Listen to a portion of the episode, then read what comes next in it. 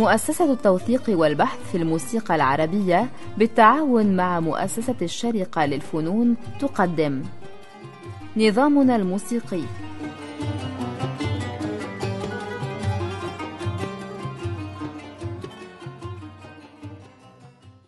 أعزائي المستمعين نرحب بكم في حلقة جديدة من برنامج نظامنا الموسيقي مع الأستاذ مصطفى سعيد عن التمرين. طيب من أين نأتي بالتمارين؟ من المزيكا من اللي انت بتسمعه. انت بتسمع ده بيعمل كذا. تاخد منها وتعمل series تعمل سلسلة من هذه المادة ومن هذه التقنية اللي انت عايز تكتسبها. تعمل سلاسل سلاسل سلاسل. وبعدين انت نفسك بتاخد هذه التقنية تلاقي إنه آه هو عمل كده بقى. طب إيه رأيك لو نعمل إحنا كده؟ شيء تاني. تمام؟ انت سمعت عنده حاجة حلوة؟ طب إيه رأيك لو نطلع إحنا نجرب ان إحنا نطورها تبقى كده؟ وتقوم تعمل تمرين ما تقدر انك تطلع هذه الجملة بالشكل الفلاني تمام؟ يجي غيرك يسمعك يقول آه ده عمل كده. طب إيه رأيك لو نطورها نخليها كده؟ لا يعني هي بتجيب نفسها. يعني لو هي أخذنا أخذنا العربة والحصان الآن من خلال هذا المنظور. هناك الكتب والمناهج المكتوبة للتمارين اللي تبدأ بتمارين حتى العازف المتعلم لا يعرف لماذا وضع التمرين. يعني العربة أمام الحصان في هذه الحالة. اجمال المناهج بتتعبى عشان مثلا إنه ده عايز يعمل دبلوم في 8 سنين أو عايز يعمل دبلوم في 4 سنين. لازم يقسم منهج ما على هذه السنين علشان أكل العيش مر يعني. طيب يعني هنا في الحالة دي التمرين مكتوب حتى لم يعني يكتب عليه شرح سبب. إحنا عارف إن التمرين هو مشكلة وحل. انت عندك مشكلة في إصبع الرابع الحل هو التمرين الفلاني حسب وجهة نظر فلان. أنا إلى وقتنا هذا مش قادر أفهم بالضبط ليه في كم مهول من التمارين على على تكنيك واحد مثلا. وبعدين مش قادر أفهم يعني إيه إنك تحط منهج لآلة. أنا مش فاهم حتى ده في الغربي على فكرة. وكل واحد إيده مش زي التانية. ما كل حالة بحالتها. لدرجة إن أنا مرة استسلمت كان نفسي واحد يمسك العود بطريقة واخي تركيبة جسمه مختلفة. لقيته إن هو بيطلع الصوت اللي أنا عايزه بغير ماسكة ووضع صحي. خلاص. أعمل إيه؟ أفرض عليه مسكتي ليه؟ خلاص. هو مرتاح. اذا المقنع هو آه، الخروج. الناتج. الخروج بالناتج والعربة والحصان كل واحد مكانه الصحيح. هل من طريقة لتوثيق التمارين هذه لفائدة الآخرين ولا نظام المرشد والمريد؟ نظام المرشد والمريد هو الأنجع. وإن كان إحنا في زماننا دلوقتي المرشد والمريد المريد ممكن يسجل ويصور ويعمل كل حاجة. الوضع في تحسن جدا في هذا الشأن.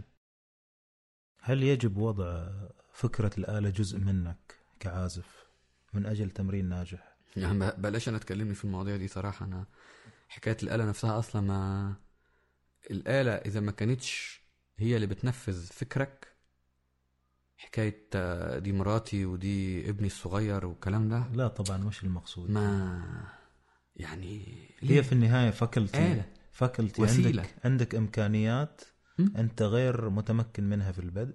تكتسبها يوم عن يوم تبنيها يوم عن يوم بوعي. صحيح. على آلة لا تستطيع أن تنفذ العمل الفني بدونها. صحيح. اللهم لا اعتراض أنا مش لاغي أهمية الآلة. بس بقول إنه اللي هيمشي الآلة هو راسك. ممكن واحد يمسك الآلة يطلع منها شيء تاني خالص. طيب الآن إذا افترضنا الجو هذا من التمرين المنتج ووضعنا في الموضوع آلتين عود وكمان عود وكمان وناي عند نفس العازف كيف تلعب هذه مع بعض في تأثير على الآلات مع بعض؟ تمرين ناجح على كل آلة واحد متعدد الآلات هل بيكتسب خبرات من تمارينه على الآلات المختلفة في الآلات الأخرى؟ صراحة أنا ما جربتش. ما أعرفش. ولا من خلال تجارب آه، أنا لا أذكر ابدا إنه أنا ناس آخرين؟ ما عادش عارف أنا لا أذكر ان أنا تدربت أو تعمدت أتدرب غير على العود. ليه ما عنديش إجابة شافيه ووافيه على هذا السؤال؟ بس أي آلة تانية مسكتها أو عزفت عليها ما حاولتش قوي إن أنا أتدرب عليها. فبالتالي ما عنديش إجابة على سؤالك. بس يمكن غيري يكون عنده هذه الإجابة. بس أنا فعلا مش طيب عارف الغناء. بس أنا بستفيد مثلا لما بسمع سامي الشاو على الكمانجا. بجرب أستفيد منه. لما بسمع محمد العقاد ولا يوسف زعرور ولا عبده صالح على القانون بجرب أستفيد منه. لما بسمع حتى آلات زي السيتار أو اللوت أو التيوربا أو الكوتو أي آلة من هذه أو الشاميسن السيتار الطار الكيمانشي الطنبور. لما بسمع كل هذه الآلات السنيطرة كل هذه الآلات أي شيء لما بسمعه بجرب إني أستفيد منه. مش بالضرورة إنه أنا أتمرن عليه أبدا بس ممكن أستفيد منه. إيش اللي عندنا في تراثنا أو مخطوطاتنا أو ما وصل لنا عن السابقين عن موضوع التمرين؟ في مثلا الكندي كاتب تمارين للعود. عندنا أبو الحسن الطحان كاتب إزاي الإنسان يتمرن برضو على العود. وصفي الدين الأرماوي كاتب تمارين برضو. وبعدين آه، الفترة العثمانية كمان في مخطوطات لا بأس بها في هذا الشأن. وبعدين بنبدأ بقى في الآخر القرن 19 بتظهر كتب زي تحفة الموعود في تعليم العود. بيبدأ يكلمنا أكتر عن شكل المراس ومسكة الريشة والعزف والصبيع الشمال إلى آخره. آه، الأرماوي كمان بيتكلم عن هذه المواضيع لكن تحفة الموعود بيتكلم بشكل أكثر تفصيلا. بعدين في القرن العشرين بنلاقي مثلا زي سامي الشوا قرر يعمل منهج اسمه تعليم الكمان. منهج كامل للكمانجة وغيره عمل للعود عبد المنعم عرفة وسفر علي دراسة العود وغيرهم كتير. إلى وقتنا هذا في لسه منهج بتطلع لكل الآلات. طيب دي كلها كتب. نعم. هل سمعنا عن ناس تتكلم عن تمرينها؟ يعني في تسجيل لسامي الشوا في البي بي سي؟ بيقول إن هو بيتمرن. أيوه بس هل في تفاصيل أكثر أو هو نفسه كاتب آخرين غير سامي؟ آه هو نفسه كاتب في مقال إن هو بيتمرن كتير وبيتمرن إلى وقتنا هذا. محمد الأصابجي قايل ما يشبه ذلك مرة في حوار من حواراته في العشرينات وغيرهم كتير قايل عن التمرين. حتى رضا الصنباطي بيتكلم عن التمرين برضه. نعم. هل أحد وصف تمرينه فيهم؟ وصلنا شيء عن طريقة تمرينه.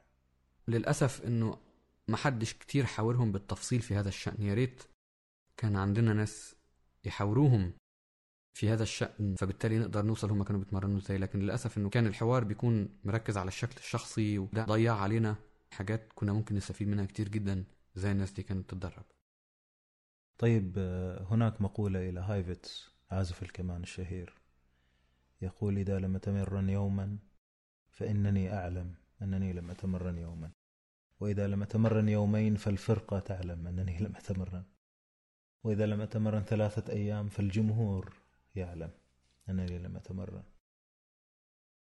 إيش تعليقك على الميراث والناس اللي بتتمرن وما بتتمرن في ال... هو بصرف النظر بصرف النظر عن الأوقات إلا إنه أول واحد بيعرف إن هو لازم يذاكر هو الشخص. اللي بينكر بقى يبقى بينكر نفسه ده موضوع تاني. وبعدين المحيط بتاعه طبعا. وبعدين الجمهور أكيد بيكون عارف إنه الحفلة دي ما كنتش في الفورمة. بس ده مش بالضرورة يكون بسبب سوء التمرين ممكن يكون بسبب سوء المزاج. أقصد أقول أنا مش عارف صراحة هو بيتكلم بالشكل الاستعراضي ولا بيتكلم بالشكل الموسيقي. إذا هو بيتكلم بالشكل الاستعراضي قلة التمرين أكيد هتبين إذا هو بيتكلم بالشكل الموسيقي فالتمرين بس مش كفاية كمان ممكن يكون المزاج المزاج مش في الفورمة فالواحد بيضطر يشتغل بخبرته فبيبين إن أنت اشتغلت بخبرتك إنه عزفت في الحفلة دي بخبرتك ما كانش في مزاج طيب تحصل. إيش إيش العمل مع المزاج؟ نتمرن مزاج؟ مش عارف والنبي لو عندك تمارين مزاج يا سلام يعني طيب نسمع أشياء من تسجيلاتنا من ناس تتمرن ممكن نسمع تقسيم تجولات موسيقية مثلا لسامي الشوا. فيها شكل من أشكال إن هو واضح إن هو متمرن مش مجرد معتمد على الملكة يعني. نعم.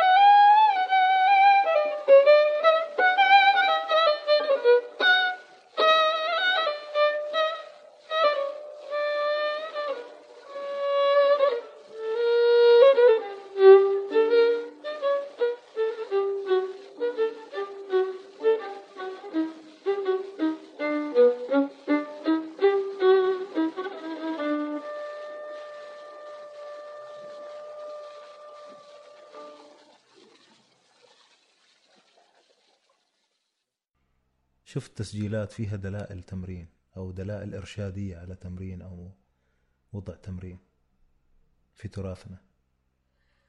لأنه شركات الأسطوانات هي شركات تجارية مش تعليمية. لكن ممكن نقول إنه تسجيلات مؤتمر الموسيقى العربية 32 هي تسجيلات نموذجية لحفظ الموشحات مثلا عند درويش الحريري. بيديك الموشح وطبوعه والإيقاع بتاعه والوزن الاصول يعني. وبيغني لك خانة ولا بتاع وانت كمل. بدري أدير يا عيني كسطنا أو يا ليل يا ليل فرح لي يا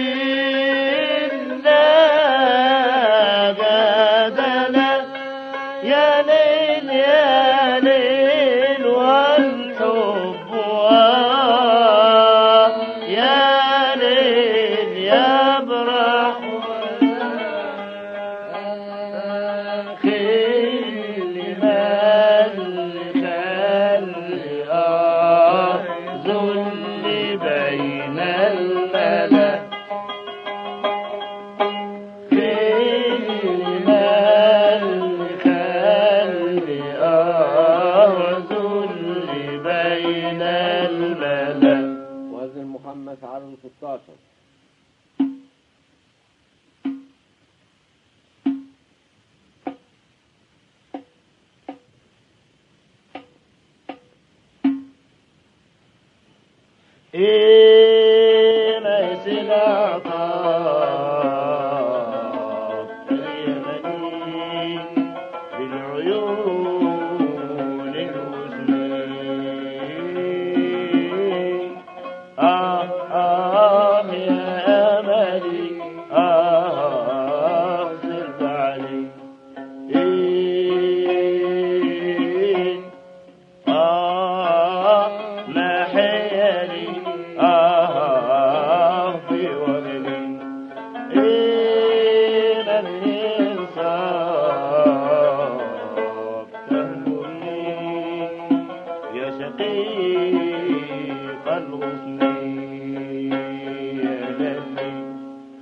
وزن السماعي عدده 10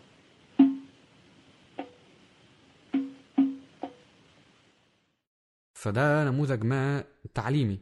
يقول لك انت لو عايز تتدرب على المشهد تدرب عليه كده.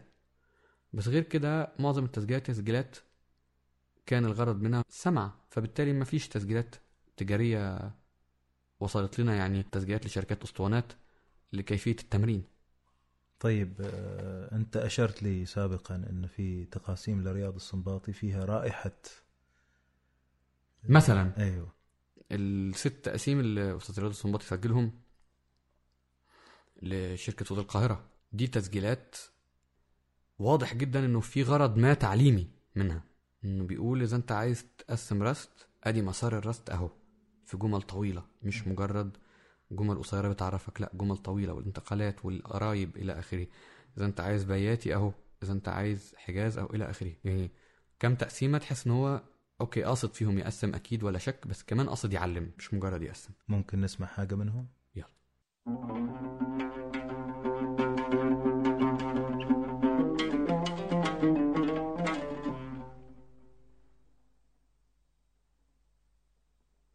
يا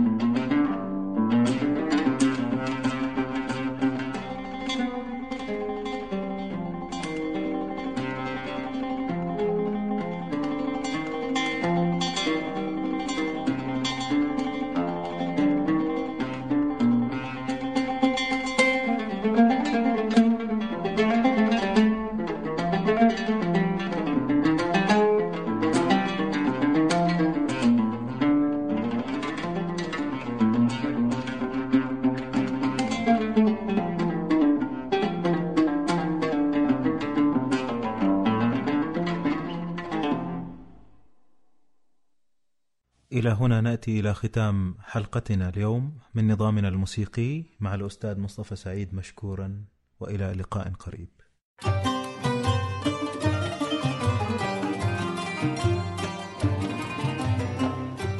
مؤسسة التوثيق والبحث في الموسيقى العربية بالتعاون مع مؤسسة الشرقة للفنون تقدم. نظامنا الموسيقي.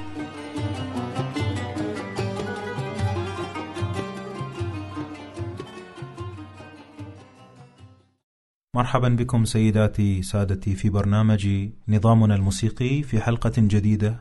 نلتقيكم مع الأستاذ مصطفى سعيد.